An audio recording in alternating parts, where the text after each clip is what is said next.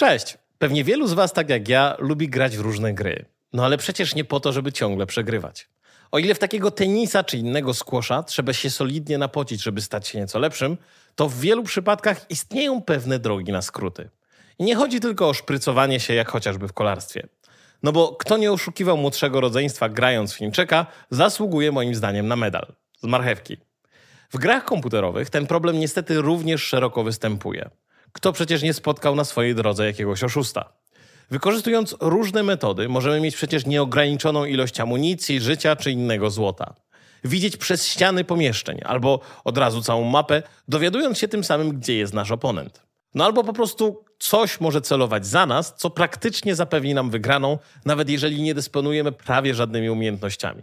A jeżeli dodamy do tego jeszcze fakt, że na graniu można przecież zarabiać i to całkiem nieźle, to motywacja do tego, aby nieco sobie pomóc, wydaje się dla niektórych bardzo kusząca. Opowiem Wam dzisiaj o tym, jak działają różne oszustwa w grach. Jakie metody stosuje się, żeby zdobyć nieuczciwie przewagę. Czy zawsze trzeba wykorzystywać do tego dodatkowe oprogramowanie?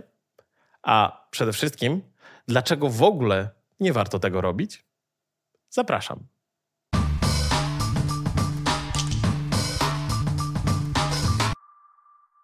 Zacznijmy od ważnego rozróżnienia. Oszukiwać można grając solo, ale można to też robić w trakcie rozgrywki online. No i w cheatowaniu grając samemu ze sobą w sumie nie ma niczego złego. Absolutnie mnie nie interesuje, co robicie w wolnym czasie sami ze swoimi komputerami i nie jest to tematem tego odcinka. You do you, girl. Natomiast oszukiwanie grając przeciwko innemu graczowi z krwi i kości jest już moralnie zdecydowanie na drugim końcu skali. A problem oszustw w grach jest tak stary jak, cóż, no, gry same w sobie. Tą kwestią w nieco bardziej naukowy sposób postanowił zająć się badacz z Uniwersytetu w Helsinkach, Samuli Lettonen. Podzielił on sposoby oszukiwania na grupy. Od tych niewinnych, niczym białe kłamstewka w rodzaju będę gotowy do wyjścia za 5 minut, tylko skończę ten poziom, do głębokich ingerencji w grę i daleko idących cheatów, podobnych do kłamstwa lekarzowi w czasie badania. Pierwszym ze sposobów na drobne oszustwa jest użycie programów takich jak na przykład Cheat Engine. Starsi gracze zapewne będą kojarzyć to narzędzie. Było one polecane w każdym czasopiśmie o grach komputerowych. Sama idea jest bardzo prosta. Gry to zwykłe programy komputerowe, które zapisują różne dane, tak na dysku twardym, jak i w pamięci RAM. W tej drugiej przechowywane są rzeczy bardziej ulotne, które szybko się zmieniają. Wiecie, jak poziom życia, jakieś many, czy też liczba dolarów na koncie. Cheat Engine skanuje pamięć wykorzystywaną przez grę na obecność tej jednej konkretnej wartości, którą chcemy trochę poprawić. Jak to działa?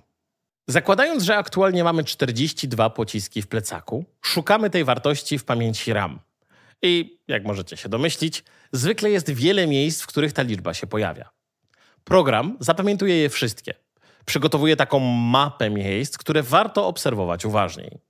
W tym momencie przechodzimy do drugiego etapu oszustwa. Obserwowaną wartość należy zmodyfikować, wykonując jakąś czynność w grze, co zwykle nie jest trudne, bo wystrzelenie jednego pocisku, czy też upokarzające ugryzienie przez pierwszopoziomowego szczura nie należą do skomplikowanych operacji. Wracamy więc do programu do oszustw i szukamy nowej wartości zmiennej, która nas interesuje. Cheat Engine nie przeszukuje już jednak pełnej pamięci, ale tylko te miejsca, które wcześniej oznaczone były jako interesujące. I przy małej dawce szczęścia, czasem po dwóch, czasem po trzech takich zmianach, udaje się znaleźć pojedyncze miejsce w ramie odpowiadające za wartość, którą chcemy podkręcić. Znając adres tej zmiennej, możemy ją zamrozić albo zamienić na coś innego. No bo kto by nie chciał mieć nieskończonej amunicji w walce z hordami demonów z piekła rodem? O ile cała zabawa brzmi dziecinnie prosto, tak niestety bardzo często zwyczajnie nie działa. No bo pomyślcie, co będzie, jeżeli gra zamiast zapisywać bezpośrednio wartość naszego portfela, rozbije ją na dwie części, które będzie na bieżąco sumować? Czyli Zamiast posiadać milion dolarów w jednym banku, nasze w pocie czoła zdobyte środki są przechowywane na kilku kontach. Wirtualnych oczywiście. A ich suma da wielkość naszego bogactwa. Wtedy trudno będzie odnaleźć takie miejsce w pamięci, które można łatwo zidentyfikować i zmodyfikować. Wyobraźcie sobie, że wasza wartość życia wynosi 100 punktów. I jakimś cudem dowiedzieliście się, że wartość ta jest zapisana w dwóch zmiennych w pamięci. Nie sposób jest, znając samą sumę, sprawdzić wszystkich możliwych składników. No bo 10 dodać 90 to tylko jedna z możliwości. Podobny mechanizm stosowany jest właściwie w każdym programie, w którym twórcy chcą zabezpieczyć się przed nieautoryzowanymi zmianami. Jakiś przykład? Proszę bardzo. Jak grom z jasnego nieba gruchnęła ostatnio łamiąca wiadomość, że stary, dobry WinRAR przestanie być przydatny w nowych Windowsach. Te mają dostać możliwość otwierania archiwów RAR bez konieczności instalowania dodatkowego oprogramowania. Do tej pory, po 40 dniach, otrzymywaliśmy na starcie komunikat, aby zakupić program berlińskiego producenta RAR GmbH. I co bardziej skąpi użytkownicy, wykorzystywali programy podobne do Cheat Engine do oszukiwania tej wartości. Wiecie, żeby nie klikać tego jednego przycisku przy każdym starcie aplikacji. Wystarczyło zmienić w pamięci programu datę pierwszego uruchomienia. Ba, dodawano taki bajer do autostartu i zapominano o jakichś tam koniecznościach zakupu licencji.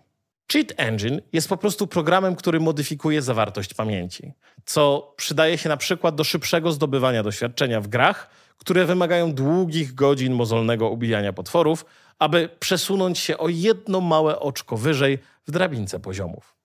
Ale czy da się to zrobić trochę bardziej legalnie?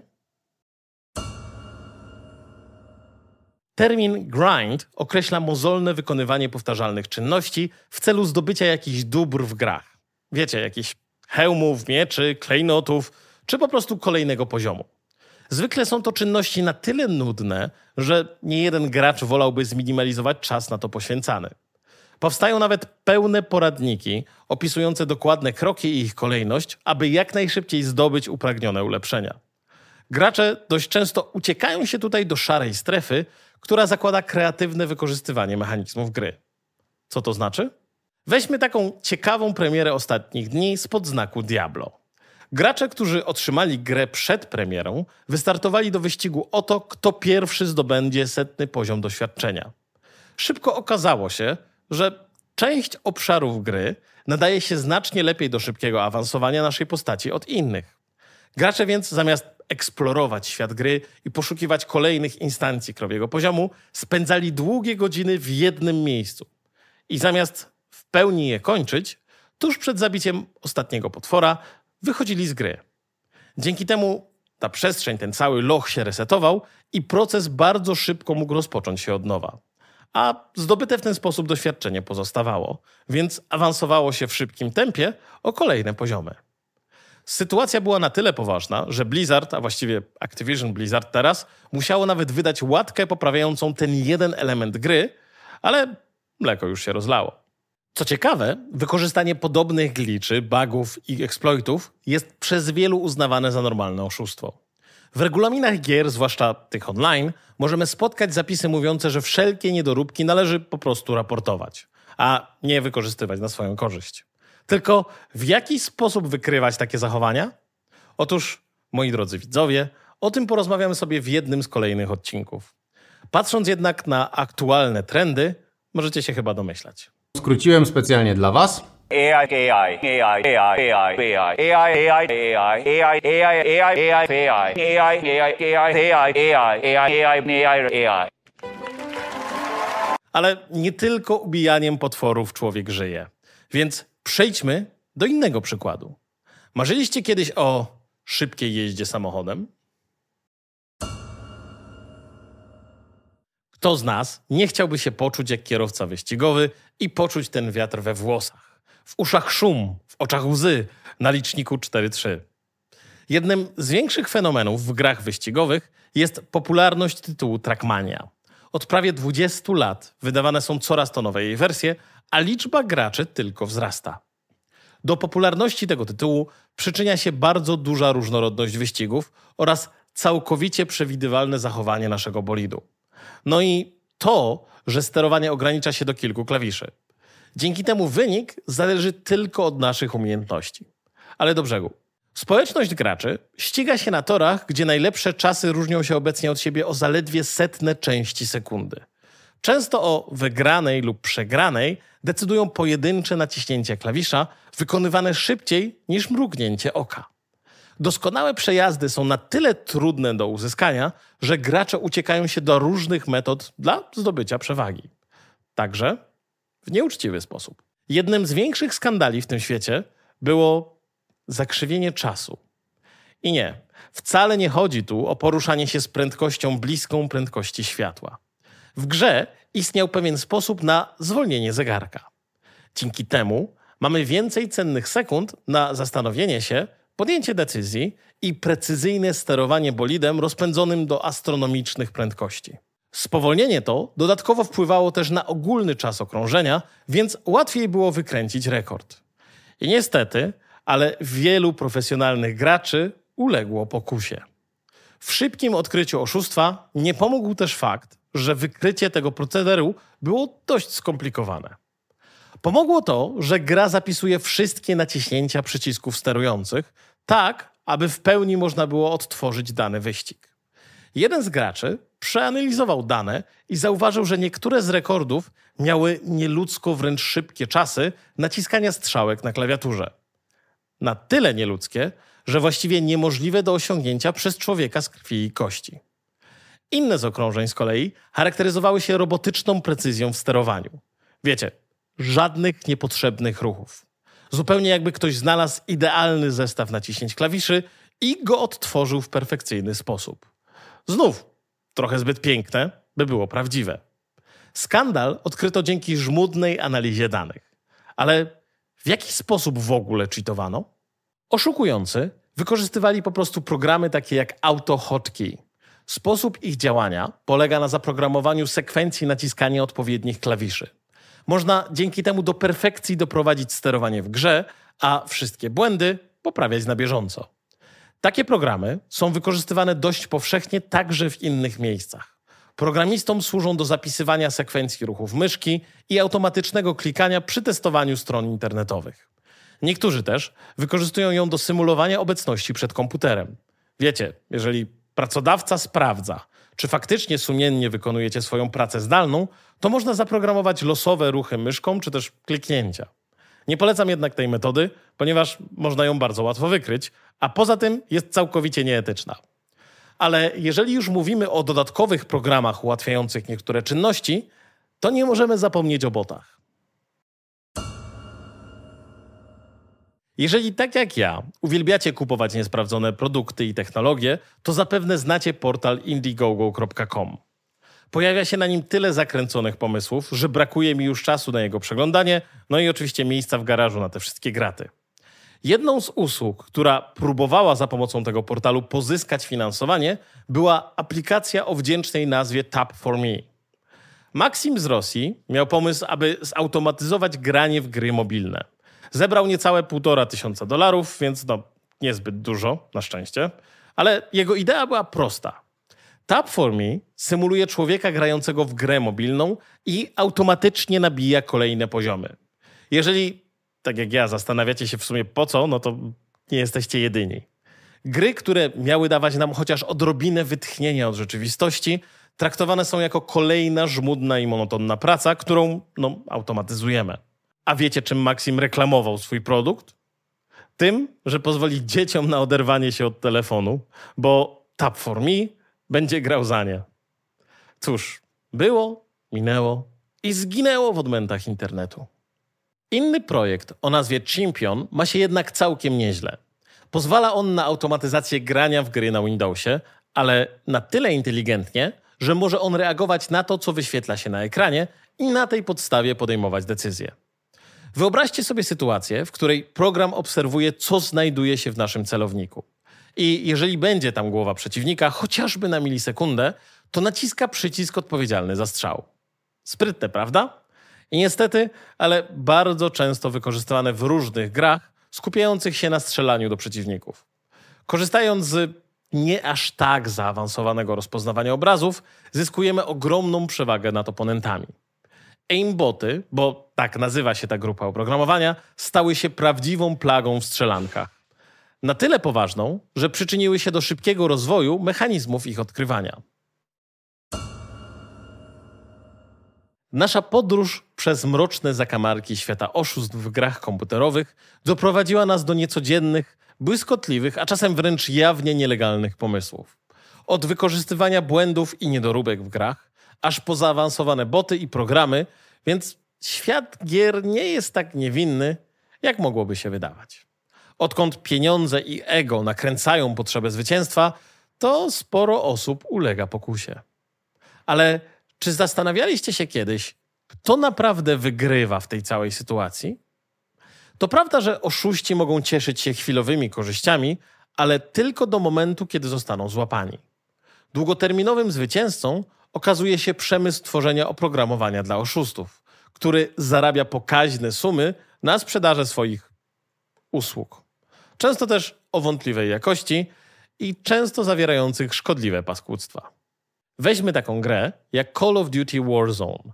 Hakerzy ukrywali złośliwe oprogramowanie w programie do cheatowania i próbowali je rozprzestrzeniać wśród graczy. Po uruchomieniu tego rzekomo legalnego wspomagacza gry, komputer gracza był infekowany i nie tylko nici z gry, ale także często z pieniędzy na realnym koncie bankowym. Inny przykład to sytuacja, która miała miejsce w grze Fortnite. W tym wypadku ransomware o nazwie Cirque był zamaskowany jako zestaw cheatów.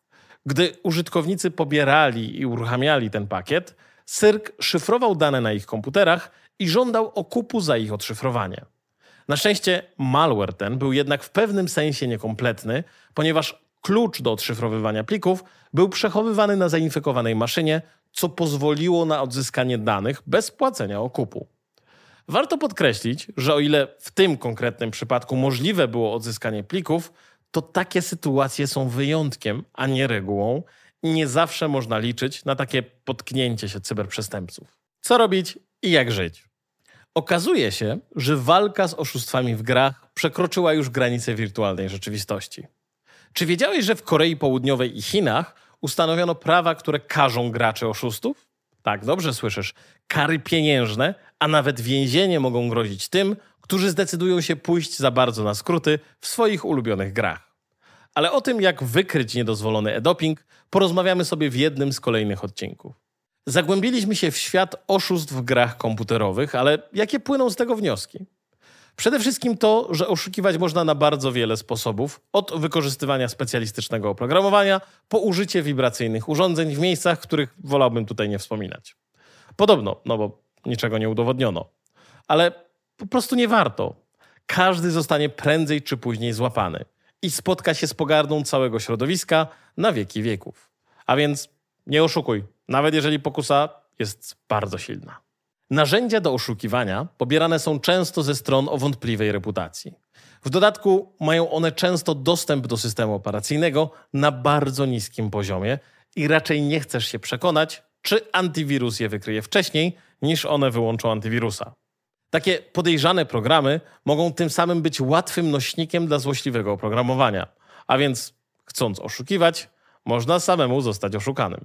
Metody wykorzystywane do tworzenia cheatów nierzadko są bardzo kreatywne i rozwijają umiejętności zbliżone do hakowania. Tu trzeba nauczyć się czegoś o pamięci, tam zaś obejść jakieś zabezpieczenia. Jeżeli masz ochotę poprawić takie umiejętności, to polecam na przykład grę Pawn Adventure Hack. Ta gra w stylu MMO jest niemożliwa do przejścia. Trzeba hakować ją na różne sposoby, by przetrwać, i o to właśnie w niej chodzi. Dzięki temu nie tylko poćwiczysz, ale też zrobisz to w nienaganny etycznie sposób. I to już wszystko na dziś. Tymczasem dziękuję za Waszą uwagę i do zobaczenia.